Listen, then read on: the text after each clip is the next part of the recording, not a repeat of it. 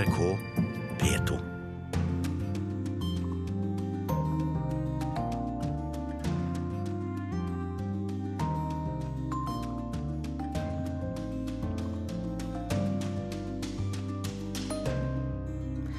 Iran med håp om et liv uten sanksjoner. Urix lodder stemninga på gata i Teheran. Islamistene i IS forskrekker verden med aksjoner i mange land. Men er de så viktige som de vil ha det til? 20 år etter Srebrenica-massakren er såra fremdeles åpne, og forsoning er vanskelig. Den kalde krigen mellom Cuba og USA går mot slutten. Nå vil Obama oppheve handelsblokaden. Forventning og fortviling i det cubanske folket. Velkommen til Urix på lørdag, og i denne sendinga er det også tid for å minnes Onassis og se litt lengre inn i den greske krisa. Først til Iran. Etter halvt annet år med forhandlinger om Irans atomvåpenprogram, er en nå inne i ei avsluttende runde. I Teheran er spenninga til å ta og føle på, og forventningene er store til et liv uten sanksjoner. Her er vår korrespondent Kristin Solberg fra Teheran.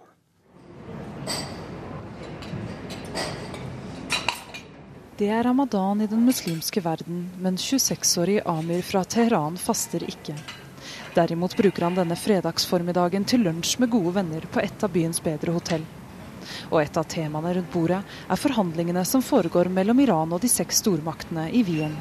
Um, I think it's so positive for us because in near future we're going to have so many relations with Amer ønsker seg en avtale og håper at han på tirsdag, når fristen for forhandlingene går ut, skal få den gledelige beskjeden om at det er blitt enighet mellom Iran og stormaktene. Det vil gjøre at Iran kommer ut av den internasjonale isolasjonen og være bra for økonomien, mener han. I think it's very good for Iran to have a, such a great deal with the world. En avtale vil ikke bare være bra for hjemlandet, men også for han selv. Amir driver sitt eget selskap som spesialiserer seg på internasjonal shipping. Det har vært nesten umulig under sanksjonene. Yeah, with the sanctions, we have less customers. We have less. We have a difficult way of tra money transferring, and it's so difficult with the sanctions and this relationship to, with the world. Vennene rundt bordet håper alle på en avtale, men bare Amir vil la seg intervjue på bånd, og bare med fornavn. Et tegn på at det til tross for håpet i Teheran disse dager, også finnes den gamle frykten. Amir sier alle rundt ham er positive til en avtale. The, uh, everybody I see, everybody I talk about is excited about the deal. I've person, I never met anybody in person that is not happy because of.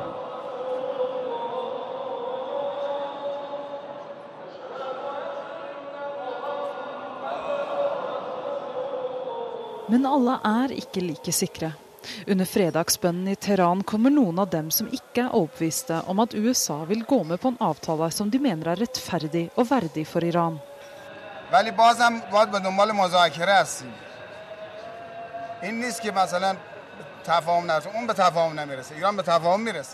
Vi vil forhandle, og vi kan ikke si at vi ikke kommer til enighet. Men USA vil ikke la en avtale skje. Iran derimot vil ha en avtale, sier Ali Askar Reza.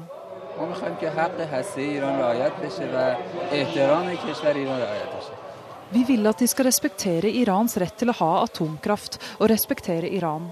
Jeg tror at hvis de røde linjene vår øverste leder har satt overholdes, så kommer det til å bli en avtale. Hvis ikke kommer vi tilbake med full kraft, sier Reza Sheragi. Tilbake på restauranten er Amer sikker på at de neste dagene vil bli gledelige for ham og hans venner. Politikerne på begge sider har rett og slett satset for mye på denne avtalen, og kan ikke gi seg uten resultat, mener han. I'm sure it will happen because the politicians put all in both sides. They, ha uh, they put everything they had to do this deal. So I think it's gonna happen for sure. Den islamske staten, nå IS, som den også er kalla, har den siste tida gjennomført angrep og aksjoner i forbløffende mange land. Verdenssamfunnet fordømmer aksjonene, men bortsett fra spredd bombing, ser det ut til at stormaktene kan gjøre svært lite for å stanse frammarsjen til de ekstreme islamistene i IS. Spørsmålet om vestlig militær innsats på bakken har rykka et steg nærmere. Jan Espen Kruse rapporterer.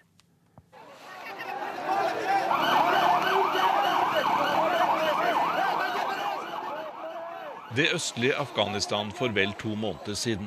En selvmordsbomber slår til mot mennesker som står i kø utenfor en bank på lønningsdagen. 38 mennesker blir drept, 125 såret.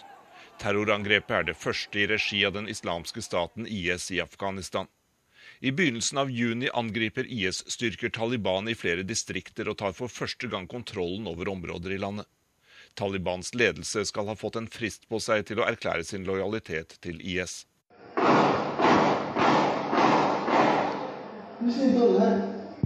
Fredag for en uke siden. En mann med automatvåpen skyter rundt seg på stranden ved et hotell i byen Sos i Tunisia. 38 utlendinger blir drept, de fleste er britiske turister. Massakren er den verste i nyere tid i det nordafrikanske landet. Gjerningsmannen skal ha fått våpentrening i Libya.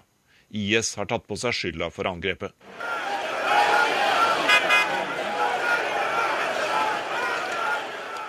Kuwait samme dag. 26 mennesker blir drept i et angrep på en sjiamuslimsk moské. Også dette utført av IS. Yassine Sali serait, d'après les dires de sa sœur, je précise, puisque le passeport, vous le savez Franske myndigheter etterforsker et angrep den samme fredagen. En mann halshogger sin sjef og forsøker å sprenge et gassanlegg i lufta. Mannen har utstyrt seg med IS-flagg og har tilbrakt et år i Syria.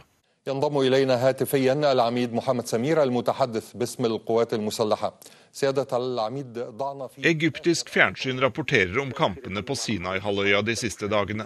En IS-tilknyttet gruppe begynte med å angripe militære kontrollposter. Mer enn 100 mennesker skal ha blitt drept i kampene, det høyeste tallet på flere tiår i Egypt. I løpet av den siste tiden har den islamske staten forbløffet en hel verden. De ekstreme islamistene ser ut til å kunne gjennomføre terroraksjoner og militære angrep i store deler av verden. I muslimske land er det svært mange steder islamistiske grupper som går over til IS. Den islamske staten består av ytterliggående sunnimuslimer som vil ha en streng tolkning av sharialovene. For et par dager siden sendte IS ut en video der budskapet var at de etter hvert vil ta over kontrollen også på Gazastripen.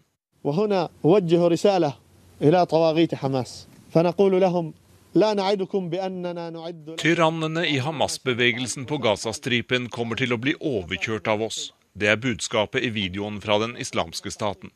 IS mener at Hamas, som styrer i Gaza, ikke har vært tøffe nok når det gjelder å bygge opp en stat etter strenge muslimske prinsipper.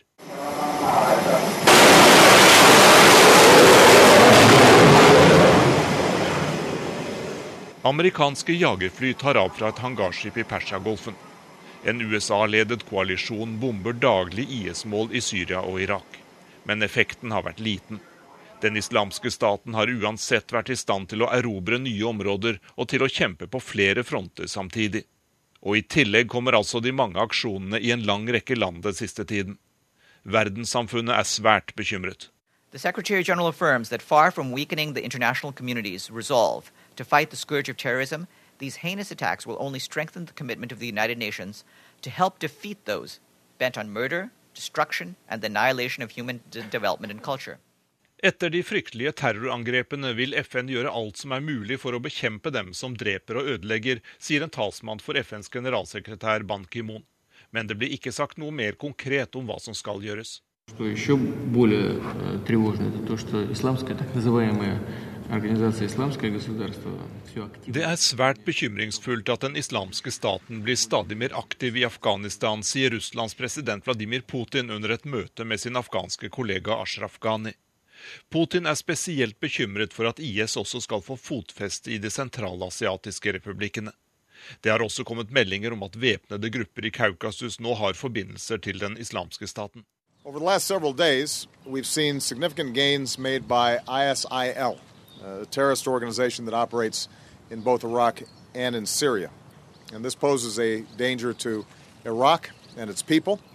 And given the nature of these terrorists, it could pose a threat uh, eventually to American interests as well. USAs president Barack Obama er også forferdet over framgangen IS har hatt, og sier at amerikanske interesser etter hvert også kan bli truet. We will not be sending U.S. troops back into combat in Iraq, but I have asked my national security team to prepare. Men Obama vil ikke sende amerikanske soldater tilbake til Irak for å bekjempe IS. Viljen til å sette i gang en storstilt vestlig militær aksjon i denne regionen er ikke stor akkurat nå. Men hvis framgangen til den islamske staten fortsetter i samme tempo som vi har sett den siste tiden, kan de vestlige landene bli tvunget til å gjøre noe effektivt i kampen mot de ekstreme islamistene. Ja, som vi hørte, IS har markert seg i Tunisia, Libya, Kuwait, Sinai, Egypt, Gaza og i Afghanistan bare denne siste veka. Og Gro Holm, du er vår USA-korrespondent og kjenner også Afghanistan godt. Hvor trugende er IS for Taliban og for den afghanske regjeringa? Ja, Den afghanske regjeringa har opplyst at eh, IS er til stede i tre provinser, men det kommer rapporter om enda flere provinser enn det. Eh, for Taliban, så ja, vi vet jo at det har vært kamper mellom Taliban og IS. Taliban ønsker ikke IS i Afghanistan. Og ledelsen i Taliban har sendt et brev til IS-leder eh, al-Baghdadi og sagt at de bør holde seg ute fra landet, for det vil bare føre til splittelse og ikke medføre noe godt i det hele tatt. Og IS har da svart med at det finner de seg ikke i fordi Eh, det ligger i det i hvert fall at de finner seg ikke i å bli avvist på den måten, fordi det er, de kreftene som opererer der, har ikke gjort god nok jobb, er liksom beskjeden. Eh, men jeg tror nok ikke at IS vil kunne konkurrere med Taliban om innflytelse i det, liksom, det, store bildet, men de vil kunne ødelegge for Taliban en del steder. Og det har ført til splittelse internt i Taliban. En fraksjon har gått ut, har en delegasjon nå som vil møte el-Baghdadi, og, og, og, sier at han er velkommen og hans styrker er velkommen der. Så det kan splitte Taliban, fordi det er mye utålmodighet med at det ikke det går fort nok fram på slagmarken. Og, og det er rekrutteringsgrunnlaget til IS, tror du? Ja, det kan være det. På den annen side så mangler en viktig dimensjon eh, som eh, ofte har ført til at IS klarer å rekruttere, og det er jo denne Shia-Sunni-dimensjonen. Både IS og Taliban rekrutterer eh, hovedsakelig blant sunnier, og du har ikke den sunni-shia-dimensjonen i særlig grad i Afghanistan. Det finnes noen shiaer, men det er ikke der hovedskillelinjene går. Så det taler jo for at IS ikke har gode kår når det gjelder å rekruttere eh, til sine rekker. Når det gjelder den afghanske regjeringen, så er det jeg håper å si, ulik ulike signaler. Eh, politiet og det militære i områder hvor IS har fått et visst fotfeste, har hatt en tendens til å si eh, ja, la oss nå bare ligge eh, lavt og, og, se på de slåss mot hverandre. Kanskje det kan være lurt. Men det er klart at regjeringen sier jo at de slåss mot eh, IS, at de bekjemper IS like, like hardt som de bekjemper Taliban. Men hva med US, USA sin strategi? Altså der eh, Taliban og Al Qaida er jo definert som hovedfienden, eh, slik det har vært fram til nå. Ja, og det er jo litt nytt dette med IS i eh, Afghanistan, og USA har vel hatt fokus på IS i Irak og Syria mye mer. Så jeg tror nok de ja, De bruker droner, og de har brukt droner i mye større grad inne i Afghanistan i år. Eh, rundt 400 eh, skal være drept i amerikanske droneangrep. Senest for eh, noen få dager siden så ble 14 eh, i Nangahar-provinsen drept av droner. Og det var da muligens også IS-soldater. Det vet vi ikke sikkert. Eh, så, så, det er vel deres eh, militære svar, å sette inn droner og prøve å hindre at de får fotfeste på den måten. Ellers er jo politikken nå å overlate til afghanerne å bestemme hvor de vil sette inn bakkestyrker i Afghanistan, og hva, hva som er prioriteringene. Vi skal snakke om Syria, for det er ingen tvil om at den mest akutte krigssituasjonen for tida er nettopp i Syria, der IS ser ut til stadig å styrke seg. Og dette har du, Sigurd Falkenberg Mikkelsen, som da er med oss på telefon fra Kairo, eh, fulgt veldig tett. Og du har nettopp nå rapportert om kamper i Sinai, der vi også hører om nok ei IS-gruppe. Men hvordan vurderer du da styrken til IS i regionen? Men det er ikke noe tvil om at uh, de har et, uh, et momentum uh, rundt seg. de er i stand til å gjennomføre kompliserte militære operasjoner, som vi så på Sinaihalvøya nå denne uka. Og like før der igjen en spektakulær og ekstrem brutal terrorhandling mot uskyldige turister i Tunisia. Sånn at det er mye oppmerksomhet rundt IS her, og også selvfølgelig mye frykt for hvor dette skal lede. IS eh, fikk vi høre kritiserte først Hamas, og så eh, kommer det rapporter om at Hamas ser ut til å ha hjulpet IS i Sinai. Og her kan det vel bli nokså komplisert for eh, f.eks. da Israel? Dette er en spesiell situasjon, og det er litt vanskelig å finne ut hva som egentlig foregår her. Fordi dette er en én utvikling. Eh, og så er det, det På den andre siden så har vi også sett en tilnærming mellom Israel og eh, Hamas, og også Egypt. Eh, da på bekostning av Fatah og president Abbas som sitter i Ramallah. Eh, sånn at Det er mange forskjellige parallelle utviklinger her. og det er det som skjer når IS går inn i et område, er at de setter eh, i gang en nye politiske prosesser, i tillegg da til alt, alt det som skjer eh, med våpen i hånd, som ingen vet egentlig helt hvor ender opp. Men, men, kan det være reelt når det blir nevnt at trusselen er at IS rett og slett kan overta Gaza, f.eks.? Altså, jeg, første gang jeg hørte om den type, eh, den type, budskap fra Hamas, det var i 2004. Da var det Al Qaida som gjaldt. Eh, men Hamas er en mye, mye mer utrygg og presset situasjon nå enn da, også fordi situasjonen på Gaza er så uendelig mye verre enn da. Og jeg vil vel ikke tro at de er i stand til å overta Gaza. Det vil også ikke være Israels interesse. Eh, sånn at eh, Jeg tror nok at vi, de kommer til å leve med en større grad av uro der. Eh, men at Hamas i, i hvert fall i, i nær framtid kommer til å være den dominerende maktfaktoren. Komplisert er det òg for USA i Midtøsten når fiendebildet nå er i rask endring, og særlig da situasjonen i Syria, der tusenvis av opposisjonelle til planen skulle få militærtrening og settes inn mot islamistene.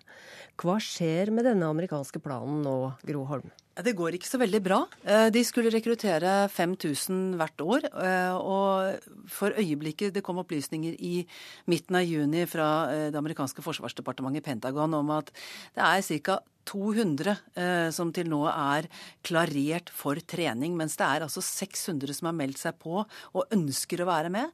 Problemet er å få sikkerhetsklarert disse.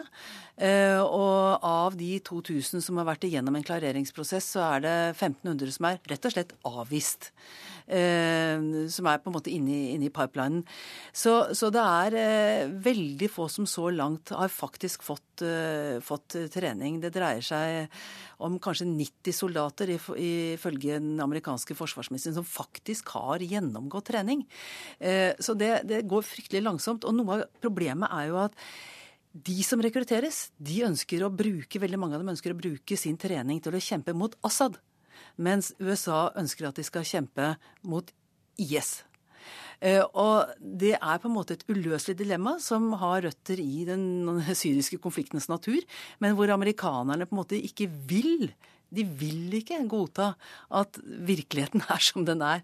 Eh, og eh, en, en, av de republikanske senatorene med, med, lang fartstid i utenrikspolitikken, John McCain, han spurte veldig retorisk på en høring hvor forsvarsministeren og forsvarssjefen var til stede, hva hvis våre allierte på bakken, den moderate syriske opposisjonen, blir angrepet av fly fra Assad?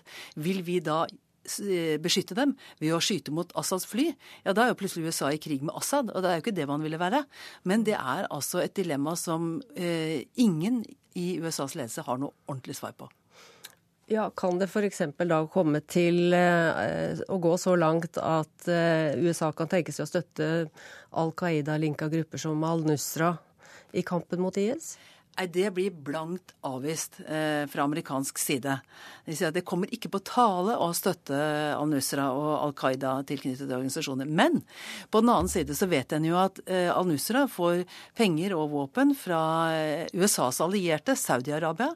Eh, muligens også fra Qatar, kanskje også fra Tyrkia, eh, en del av disse gruppene. Og Eh, og hva da? Skal USA bare se gjennom fingrene med at de som har vært allierte gjennom en årrekke, kanskje til og med en Nato-alliert, Tyrkia, eh, gir støtte til, eh, til Al Qaida som USA bekjemper, fordi disse landene ser det som en kamp mot Shia-innflytelse i området. Du som kjenner til situasjonen i Syria på bakkeplan, eh, Sigurd Falkenberg Mikkelsen. Er det IS som nå i realiteten styrer premissene for eh, krigshandlingene i Syria? Nei, det er ikke det. Og det er en av uh, de feilene som begås både i media og også i internasjonal politikk, der IS får totaldominere eh, bildet. De er helt åpenbart en stor trussel i nord og øst, og de er i stand til å ta nye områder med ujevne mellomrom. Men det er andre og større aktører som også er i sving her. I sør så er det etablert en såkalt sørfront. Dere snakket om Eh, Jabhat al-Nusra, eh, som er viktig, den viktige Al Qaida-gruppen, som også er store i, i, andre områder. Og så har du også svære allianser som f.eks. styrer Aleppo. og den frie syriske hæren er heller ikke helt borte, selv om den dukker opp da i, i i, i, ikke i, en koordinert form, sånn som, sånn som, man håpet på i begynnelsen, selv om det også var ganske uh, irrealistisk. Sånn at det er, det er, et sammensatt bilde. Og så har du selvfølgelig også Assad og regjeringshæren, som setter mye av momentumet sammen med Hizbollah og Iran. Eh, sånn at det at IS får så mye oppmerksomhet, gjør også at vi misforstår mye av det som foregår i Syria. Mm. Hva tror du er det viktigste rekrutteringsgrunnlaget til IS? I Syria så er det klart at de tiltrekker seg eh, soldater når de vinner. Og de er, det er veldig mange for aktivister som har gått gjennom radikaliseringsfaser her. Både i møte med regimets brutalitet og torturkammer, dernest i møte med opposisjonens både korrupsjon og mangel på kapasitet til å få noe ordentlig trykk rundt dette opprøret, som etter hvert har blitt til en, til en krig. Og Da er det noen som da trekkes mot IS fordi de ser at det faktisk fungerer de føler at de da er på den vinnende siden. Så Det er, det er en viktig bit. Og Så har du selvfølgelig hele utenlandselementet, eh, som man ikke skal undervurdere. Det er en, betraktelig fordel for IS eh, på slagmarken eh, i Syria og også i Irak. IS-staten, det såkalte kalifatet, det, du syns det er for tidlig å erklære det for etablert? Ja, absolutt. Eh, men at man ser tendenser til, til, til en permanens der, det gjør man jo. Altså, de har holdt Raqqa, de har holdt Mosul uh, i nå over et år. Uh, men det vi ser over det store bildet her, er mer et politisk kollaps. hvor statene har store vansker med å kontrollere eget territorium, og hvor da IS går inn i det tomrommet og, og etablerer seg. Eh, og Dette er ikke helt ukjent eh, i eh, Midtøsten også før IS. Ta f.eks. en gruppe som Hizbollah, som har kontroll over store deler av, av libanesisk territorium. De har gjort det på en litt annen måte og gått inn innenfra og tatt kontroll over den, over den libanesiske staten. Ikke alene, men likevel altså en ikke-statlig aktør. og Det tror jeg vi kommer til å se mer av i tiden som kommer. Hellas avventer folkeavstemning i morgen, og vi skal ta et steg tilbake i tid. Årsakene til det greske økonomiske sammenbruddet er talløse, men mange vil si at skattesvik er blant de mest alvorlige. Det er et brottsverk for de få, men søkkrike. Og rikere folk enn en helt spesiell skipsreier fra Aten fantes det ikke i hele verden. Tom Christiansen forteller ei gresk historie. På de britiske Jomfruøyene burde Sara Petre Mers være et kjent navn. Der er hun direktør for 1200 selskaper, men hun har aldri vært i sitt skatteparadis. Ikke pengene hennes heller, for hun har bare lånt ut navnet sitt mot god betaling til selskaper som ikke vil synes, og som ikke vil betale skatt. Mange av dem er greske, og slik har de holdt på i mer enn 100 år. My father was a rather wealthy man, successful. Dette er selveste pengefyrsten derfra, Onassis, finansmagnaten som ble verdens rikeste mann. Fornavn Aristoteles, mellomnavn Sokrates. Det var han som giftet seg med Jacqueline Kennedy, enken etter den amerikanske president. Han droppet elskerinnen Maria Callas til fordel for Jacqueline, og betalte seg samtidig ut av et skattesvik i USA for 50 millioner kroner.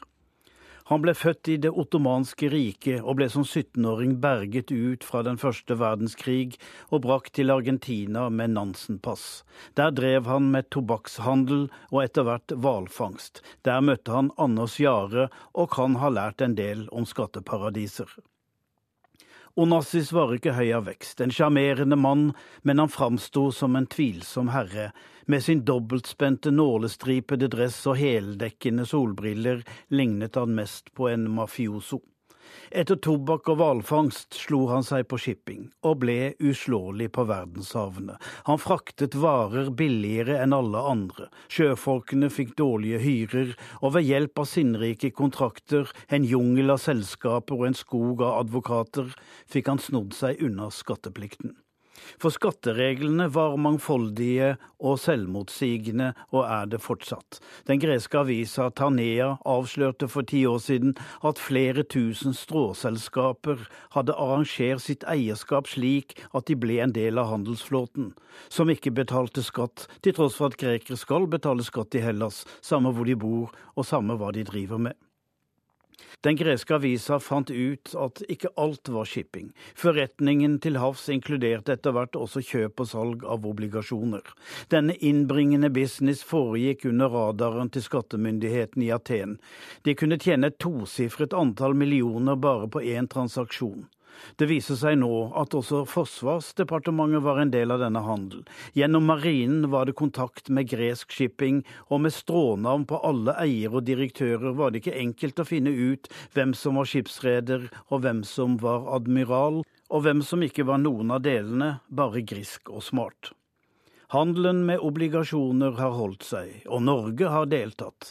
Det norske oljefondet kunne i 2013 glede seg over en avkastning på nærmere 50% for sine greske statsobligasjoner. Flernasjonale selskaper betaler knapt skatt i Hellas, mye på grunn av avtaler gjennom skatteparadiser, som for eksempel Luxembourg. Der har regjeringen gjort hemmelige skattefrie avtaler med store selskaper, også dem som opererer fra Hellas.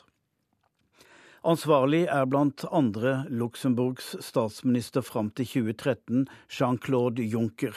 Han er i dag president i Europakommisjonen og dermed selveste pengeinnkreveren.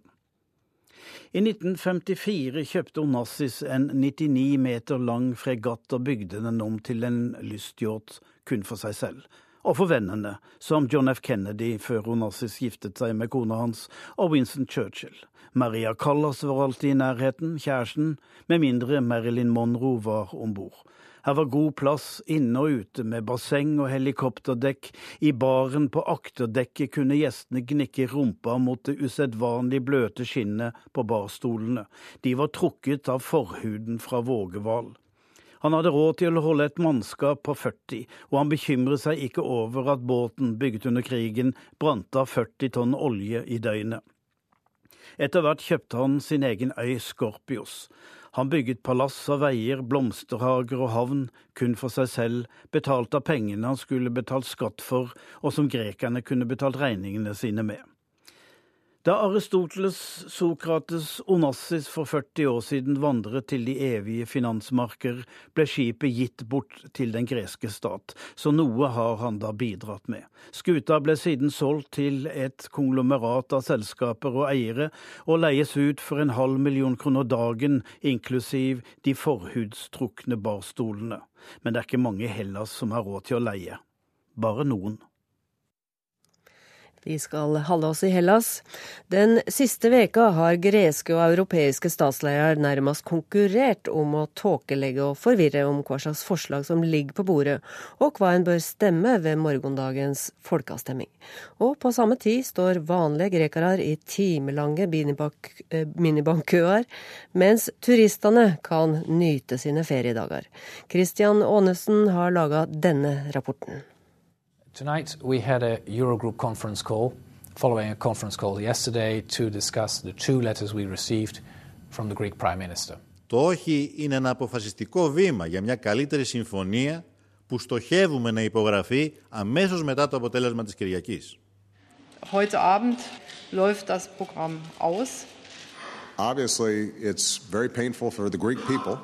Seriösen Maßnahmen zu erörtern. Deswegen muss zunächst einmal Griechenland Klarheit schaffen, Was es denn nun will. We see no ground for further talks at this point. We're not populists. We're trying to do the right thing by the people. Men det er ikke sikkert stengte minibanker og økonomisk kaos er det folk vil ha. Over hele Hellas har folk denne uken stilt seg i kø for å ta ut sparepengene sine, samtidig som de høye herrer i Aten og Brussel har spilt en slags politisk viskelek. Noen som ikke hvisker, er innbyggerne på den greske øya Mykonos. Her har de i likhet med alle andre i Hellas kjent de økonomiske innsparingene på kroppen.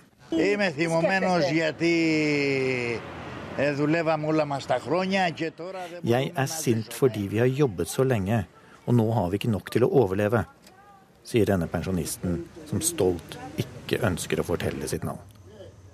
Utenfor den lokale banken er det ikke så lang kø, og det er det en grunn til. Dette er ikke nok for meg og mine barnebarn, sier han og viser frem 120 euro, som var alt han fikk tatt ut i banken i veggen før den gikk tom. For i Hellas er familiene helt avhengig av pensjonistene for å få endene til å møtes. Vanligvis er det de unge som arbeider for å betale pensjonene til de eldre, men ikke her. For når halvparten av de unge står uten arbeid, må de leve av foreldrenes eller besteforeldrenes pensjoner. Og greske pensjoner er ikke nødvendigvis så veldig fete. Faktisk så lever hver sjette greske pensjonist under EUs fattigdomsgrense. Men på Mykonos finner man en annen verden også. Yeah, like no.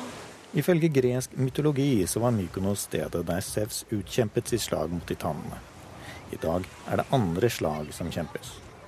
Turistnæringen er øyas viktigste inntektskilde, og folk fra hele verden kommer hit for å nyte det klare vannet, de kritthvite strendene og de lange drinkene. Her awesome. Party beach. I mean, music everywhere, people everywhere. It's really fun. Um, the water is beautiful. Um, I love it. And the houses everywhere and the rocks. I think it's awesome. I really like it. Og turistene merker ikke så mye til krisen. For til forskjell fra minibankene pensjonistene forsøkte å ta penger fra, så er det ingen euromangel her. They can pay with credit card. The ATM is full. They can take money. We don't have problem. Or, or... Til tross for den stadig økende misnøyen i landet, så ønsker de fleste grekerne å fortsatt kunne ta ut euro av sine banker. Nous voulons rester à l'Europe, nous voulons avoir l'euro, mais pas sous ces conditions Vi vil være med i Europa og fortsette med euro. Vi ønsker bare ikke de betingelsene som EU nå prakker på oss, sier Epadamonus Lucorius på fransk, der han står sammen med de andre pensjonistene på Mykonos. På søndag skal de stemme over EU-forslaget, og på mandag kan Hellas våkne opp ikke bare til et økonomisk kaos, men også et politisk.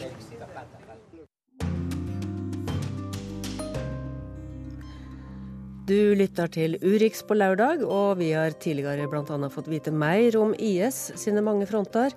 Videre i denne sendinga skal vi til Cuba og til Srebrenica, før korrespondentbrevet postlagt i Istanbul. Nå i juli er det 20 år siden den verste massakren i Europa etter den andre verdenskrigen. Over 7000 mennesker ble drepne på få dager i 1995, de fleste gutter og menn. Reporter Roy Freddy Andersen rapporterer fra en stad der såra gror svært sakte, om i det hele tatt. Mama, wait, Mama, what's his age when 17, 17? He couldn't. He couldn't even be let it grow. Why would they kill my diagram? The bad people do that. They don't even care. They don't even care. Lille Alila Malic har så mange spørsmål der hun står ved graven til onkel Alim. Seksåringen er sammen med mor, bestemor og oldemor midt på den enorme gravplassen i Sebrenica i Bosnia-Hercegovina. Alila forstår ikke hvorfor onkel Alim ble drept da han bare var 17 år. Hun klarer ikke å forstå at så mange mennesker måtte dø uten grunn. Og hvem gjorde det? Hvorfor? Mamma Tima vet at hun må gi datteren hele svaret.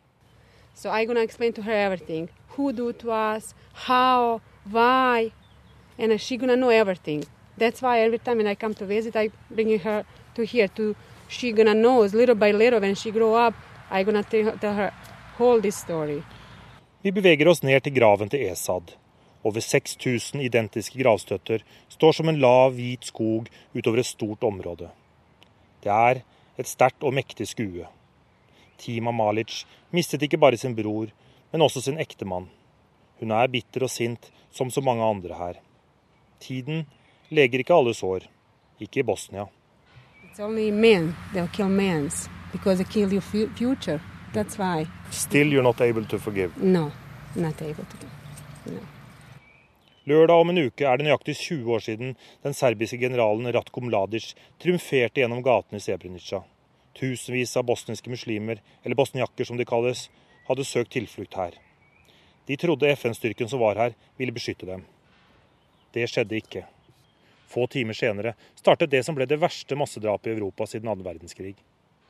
De neste julidagene i 1995 ble over 8000 gutter og menn plukket ut, busset ut til skogholt i distriktet og meid ned av serbisk maskingeværild. Deretter ble likene dumpet i massegraver.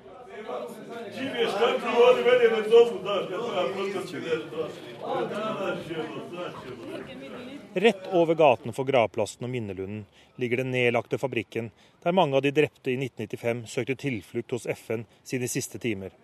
I dag er det stormøte her. Politikere, organisasjoner, politi og andre er samlet for å legge de siste planene for den storstilte markeringen som finner sted om en uke. Over 60 000 mennesker er ventet fra hele verden. Men hvem som vil representere Serbia og det bosnisk-serbiske autonome området Republika Serbska, gjenstår å se. Lederne der benekter nemlig fortsatt at de 8000 drapene i 1995 er å betrakte som et folkemord, til tross for at krigsforbryterdomstolen i Haag og det internasjonale samfunnet har slått dette fast. Det er denne mangelen på innrømmelser som gjør at noen forsoningsprosess er vanskelig å få øye på i Sebrenica og mange andre steder i Bosnia. Det innrømmer også borgermesteren i Srebrenica, Kamil Durakovic. I think that we need a, a leader of Serbs, including Republic of Srpska and Serbia. When they come out, when they admit, uh, then it it, it uh, hits down to the to the lowest level of, of society. As as they are denying, you can have few individuals from within Serb society saying, okay, yes, it was genocide, but they, they have no power to, to hit the public. For få dager siden kastet presidenten i Republika Serbska, Milorad Dodik, bensin på bålet ved å kalle Srebrenica-massakren 'det største bedraget i det 20. århundre'. Slutt. Mange serbere hevder de bare handlet i selvforsvar mot aggressive bosniakker. De planlegger sin egen markering i Srebrenica 11.7 for å minnes falne serbere. Det er slikt som forsterker bitterheten og sinnet. So healings, every uh, see for the mother who lost a son and the husband, if you have uh, Dodik coming up in the media every day denying this state, denying numbers of the victims, denying genocide, and, and then it touches your your soul, and, and then you uh, somehow re- reactivate your emotions, and, and, and I think that uh, everybody needs to work on that, in, including politics and higher levels. Sammen med borgermesteren i dag er Munira Subasic i Mødreforeningen i Sebrenica. Hun representerer de mange tusen kvinnene som mistet ektemenn, brødre, sønner og fedre og andre slektninger. Još uvijek zločinci koji su činili genocid su slobodni, nisu izašli pred lice pravde, nisu odgovarali i svaki dan ih mi sretamo evo u Srebrenici, Bratnicu, Vlasnicu. De som begikk disse forbrytelsene er ikke straffet, de går fortsatt rundt. Vi møter dem daglig her i Sebrenica og i landsbyene rundt, forteller hun. Den 68 år gamle kvinnen legger ikke skjul på at hun er sint. Sint på serberne som benekter, på FN som sviktet, på politikerne som ikke tør å ta et oppgjør med det som har skjedd. Rane, rane još uvijek krvare i e, posle 20 godina sam shvatila da je svijet nepravedan prema nama majkama. 20 år etter er sårene fortsatt åpne. Jeg innser at verden ikke har gitt oss kvinner og ofrene for folkemordet noen rettferd, sier hun. Det er spesielt å gå nedover de samme gatene som Ratko Mladic gikk for 20 år siden. Forlatte, nedbombede og nedbrente hus, kulehull, tomme butikker og forfall. Gatene i denne byen er fulle av synlige og usynlige arr. Menneskene er fylt med sterke følelser. Det er fredelig i Sebrenica, men det er fortsatt ingen ekte fred her.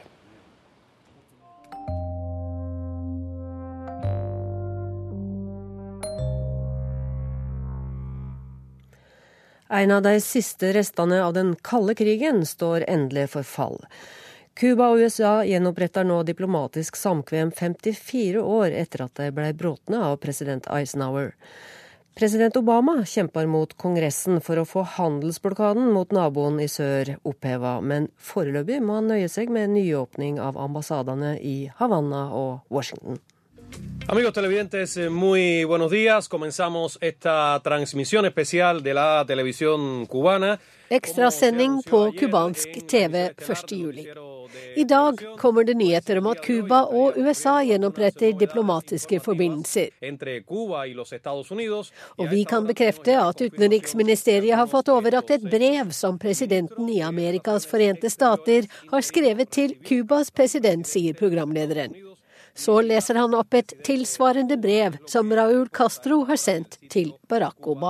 Dice así la carta. La Habana, primero de julio de 2015. Excelentísimo señor Barack H. Obama, presidente de los Estados Unidos de América. Señor presidente, i samsvar med tidligere kunngjøringer og høynivåsamtaler mellom våre to regjeringer, har jeg den glede å adressere dette brevet til deg for å bekrefte at Republikken Cuba samtykker i å reetablere diplomatiske forbindelser med USA og åpne permanente diplomatiske stasjoner i våre respektive land den 20. juli 2015. Good morning, everybody. I Rosehagen utenfor Det hvite hus i Washington kommer president Obama med den samme kunngjøringen. More than 54 years ago, at the height of the Cold War, the United States closed its embassy in Havana. Today, I can announce that the United States has agreed to formally reestablish diplomatic relations with the Republic of Cuba. USA stengte sin ambassade i Havanna for vel 54 år siden på høyden av den kalde krigen, sier mannen som ble født det året det skjedde. Gjenåpningen av våre gjensidige ambassader er et historisk skritt mot normale relasjoner mellom våre to land og folk. To proudly raise the American flag over our embassy once more. I Havanna følger folk med på ekstrasendingen med Obamas tale. Eh, Som Obama nevner, så skal ambassadene hjelpe til med kommunikasjonen mellom våre to land. Og hvis de kommer for å samarbeide og hjelpe, som de sier, ja, så er det bra, mener Lázaro Rodriguez. America and Cuba, go home! America and Cuba, go home! Langt fra like fornøyd er en gruppe eksilcubanere på den andre siden av Floridastredet, i Miamis lille Havanna. Dette er et svik mot det cubanske folket. Nå får Castro-brødrene gjøre hva de vil. Kommunister, terrorister, de endrer seg aldri, sier Ariel Morales og Miguel Saavedra. Men ikke alle er like negative.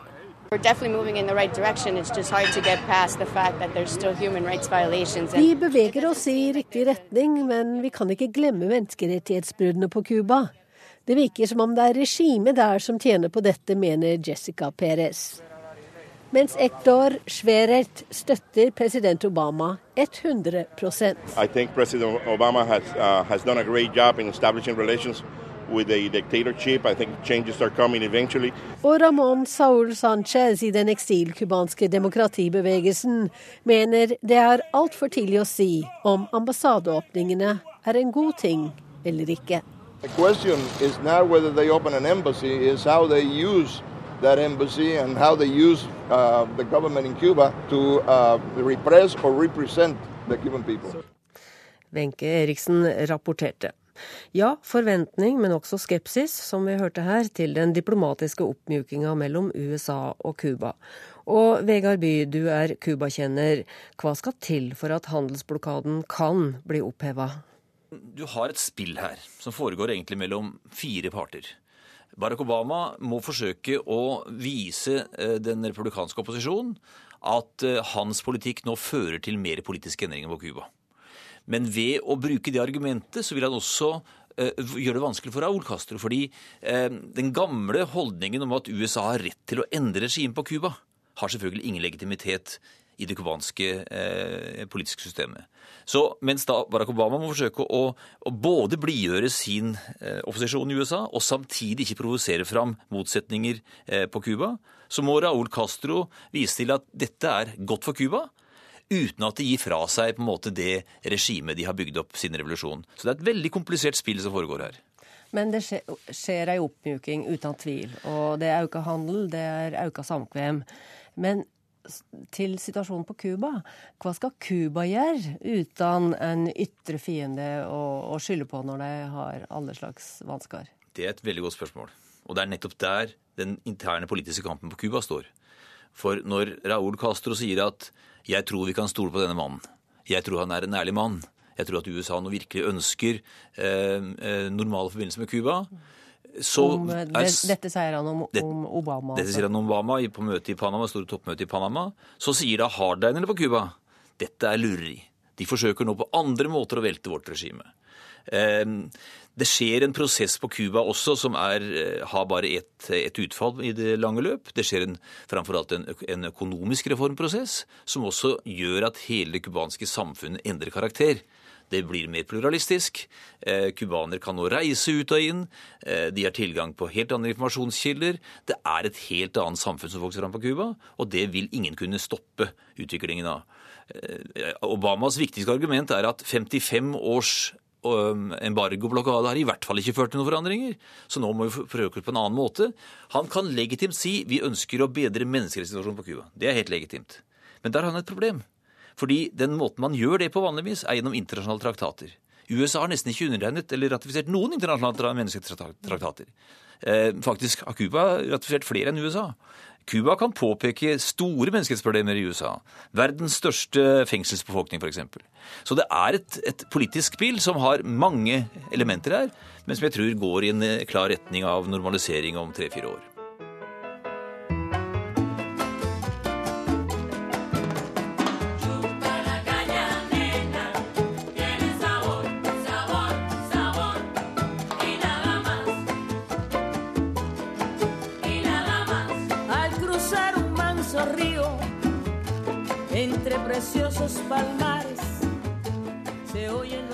Og dette var Buena Vista Social, Social Club fra Cuba som fikk siste ord. Og vi er med det kommet fram til vekas korrespondentbrev, som er postlagt i Istanbul av Kristin Solberg. Han ligger på fortauet i en altfor tynn jakke sent om kvelden når andre barn er hjemme. Folk i Istanbul haster forbi ham. Vi er i nabolaget Karakøy, det hippe og kule, og grupper med venner er på vei fra restaurantene, kanskje hjem, kanskje til en bar. Taxiene tuter, plukker opp familier, slipper av unge folk. Kroppen til gutten på fortauet er liten og spinkel. Han er neppe mer enn åtte–ti år. Han ligger på en tynn papplate som røper at han har vært her en stund. En plastkopp med noen mynter i står ved siden av ham. Øynene er lukket, han ser ut som han sover, med ryggen inntil en vegg og ansiktet mot gaten, bilene og menneskene. Det slår meg at han har ansiktet rettet mot verden, mens verden har ryggen vendt mot ham. Slike som ham er kommet de siste årene til Istanbul, mitt nye hjem. Det er syriske flyktningebarn som tigger i gatene, og de var ikke her for fire år siden. Da var de hjemme i Syria, trolig gikk de på skolen, sannsynligvis hadde de aldri opplevd død på nært hold. Nå skal de aldri glemme det, der de går mellom bilene som venter i køen ved trafikklysene, der de borer blikket inn i menneskene bak rattet. Eller der de sitter på gatehjørnet med utstrakt hånd i en by som ikke er deres, og som aldri vil bli det. Det er forresten ikke bare her de er. I Beirut, i Amman, i flyktningleirene i Sør-Tyrkia og Nord-Jordan. Og det er flere der. Millioner av syrere. Millioner av syriske barn, uten et hjem, uten en skole å gå til. Men med vonde minner, med fattigdom, med sko som er gått opp i sømmene, og tær som stikker ut. Jeg går forbi ham, gutten som sover på fortauet, for jeg er på vei et sted, et sted som er viktig. Noe fyller min sosiale kalender i kveld. Etter et par meter stanser jeg, det er som om jeg plutselig ser at gutten har en kopp foran seg, men jeg handler automatisk, ikke gjennomtenkt. Jeg går et skritt tilbake og stikker hånden i lommen for å hente myntene som ligger der fra den siste taxituren. Disse myntene med bilder av Atatürk på, som likevel er så store og upraktiske, som blir så mange at lommeboken etter hvert ikke vil lukke seg, og som jeg bruker enhver anledning til å bli kvitt. Det klinger i koppen når de få myntene mine treffer de få myntene andre har gitt før meg. Men det klinger som det gjør i en kopp som er nesten tom. Det er en hul lyd. Gutten våkner ikke. Jeg går videre. Først noen meter senere går det stygge i det som skjedde, opp for meg.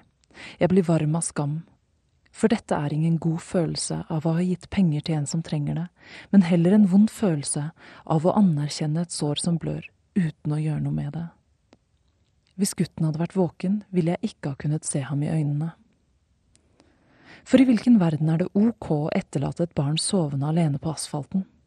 I hvilken verden er det greit å bare gi noen stusslige mynter, for så å gå videre? Jeg som voksen, som ser et barn som lider, jeg burde ha plukket ham opp. Jeg burde ha funnet foreldrene, hvis han da har noen igjen, eller andre familiemedlemmer. Jeg burde ha gitt ham penger til skolegang, leid et sted for ham å bo med sin familie. Men jeg gjorde ingenting. Jeg ga noen mynter og gikk videre. Jeg lukket øynene. Jeg møter ofte slike som ham, de blir værende i sinnet, de dukker opp igjen der fra tid til annen. I Den sentralafrikanske republikk har jeg møtt Grasa Dieu, et navn som betyr Guds gave. Han ble forlatt av sin far i en kanal etter at moren stakk av, og han ble funnet av en forbipasserende som hørte hans skrik gjennom regnet. Fire måneder gammel veide han bare 2,4 kilo. Men blikket hans var klart. Han så meg rett inn i øynene der han lå under et teppe på et overfylt barnesykehus, som om han ville si, Hva tenker du egentlig å gjøre nå? Eller jeg møter den lille gutten på fire år etter en naturkatastrofe i Bangladesh. Han tviholder på en tom sigarettpakke, og når jeg spør hvorfor, svarer moren at det er fordi hans far har blitt drept i syklonen som rammet. Den tok også huset deres, og alle deres eiendeler. Og nå har de ikke lenger et sted å bo, ei heller har de en forsørger, og de vet ikke hvor de skal få sitt neste måltid. Den lille gutten holder på røykpakken fordi han fant den på bakken, og det er samme merke som hans far pleide å røyke. I mangel på sin far eller noen fysiske minner av ham, plukket han opp pakken, og han nekter å slippe den. Det er en rar jobb å være korrespondent i denne delen av verden. Den medfører at man går ut og inn av krig og fred, fattigdom og velstand, katastrofe og normalitet, noen ganger bare i løpet av minutter. Noen ganger så raskt at man mister balansen. Det får meg til å tenke, noen ganger på at jeg har valgt feil yrke. Som journalister, hva gjør vi? Vi skriver om dem. Vi forteller om dem i radioen eller lager et TV-innslag til Dagsrevyen. Men hva hjelper det egentlig dem? Hva gjør det for den lille syriske gutten på bakken at jeg forteller hans historie i et korrespondentbrev? Helst burde jeg vært lege, hjelpearbeider, fredsmekler. Men aller først må jeg være medmenneske. I slike situasjoner tenker jeg gjerne på tankeeksperimentet til den australske moralfilosofen Peter Singer. Det lyder slik. Tenk deg at du går forbi et barn som er i ferd med å drukne i en grunn. Du kan enkelt vasse uti og redde barnet, det innebærer ingen fare for deg, for dammen er såpass grunn, men du har på deg dine nye, dyre sko. De vil bli ødelagte hvis du vasser i vannet. Vil du ofre skoene og redde barnet? Ja, svarer de aller, aller fleste. Utvilsomt. Gi nå blaffen i skoene. Det viktigste er barnet. Hva slags menneske vil ikke ha reddet det fra drukningsdøden? Så spør Singer, hva hvis det var andre til stede ved dammen som også kunne ha reddet barnet, men som ikke gjør det? Har du likevel en moralsk plikt til å vasse uti? Ja, svarer de fleste igjen, plikten er fortsatt min, det spiller ingen rolle hva andre velger å gjøre eller ikke gjøre. Singer fortsetter. Hva hvis du reddet et annet barn fra dammen på vei til jobb i forrige uke? Har du da et ansvar for å redde det barnet du ser foran deg nå? Og svaret er, i Singers studier, like tydelig. Så klart er ansvaret der fremdeles. Ethvert barn som drukner må reddes, det spiller ingen rolle om andre barn er reddet før. Men hva da hvis barnet ikke var i dammen foran deg, men druknet et annet sted der du også kunne hjelpe? Hva da? Igjen vil de fleste svare at de har en plikt til å gjøre det de kan. Geografisk avstand skal egentlig ikke spille noen rolle. Men vil du da ofre et par sko? For prisen av et par sko, riktignok av den dyrere sorten, kan mange barn reddes.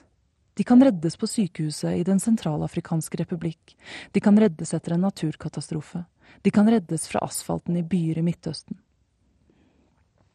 Men slik er det ikke i praksis. Igjen og igjen går vi forbi dammen og lar barnet dø. Altfor ofte tar vi det vi i Singers eksperiment ville ha omtalt som moralsk uforsvarlige valg. Men noen stanser. Jeg har møtt dem. Jeg har møtt kvinnen som driver et hjem for mishandlede jenter på flukt.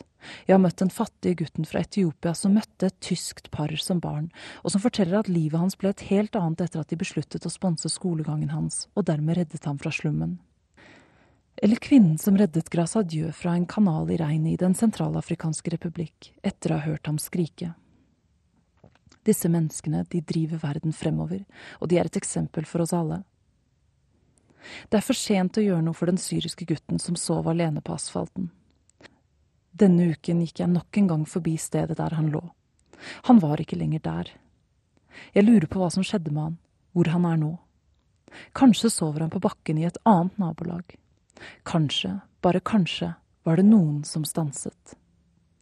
Og når jeg går forbi den tomme plassen på fortauet, lover jeg meg selv at en dag, en dag, skal jeg også bli en av dem som stanser. Urix på lørdag er slutt. Han Lunås fikk oss på lufta, produsent Elise Heisel Asbjørnsen. Her i studio Sigrun Slapkar. Hør flere podkaster på nrk.no podkast.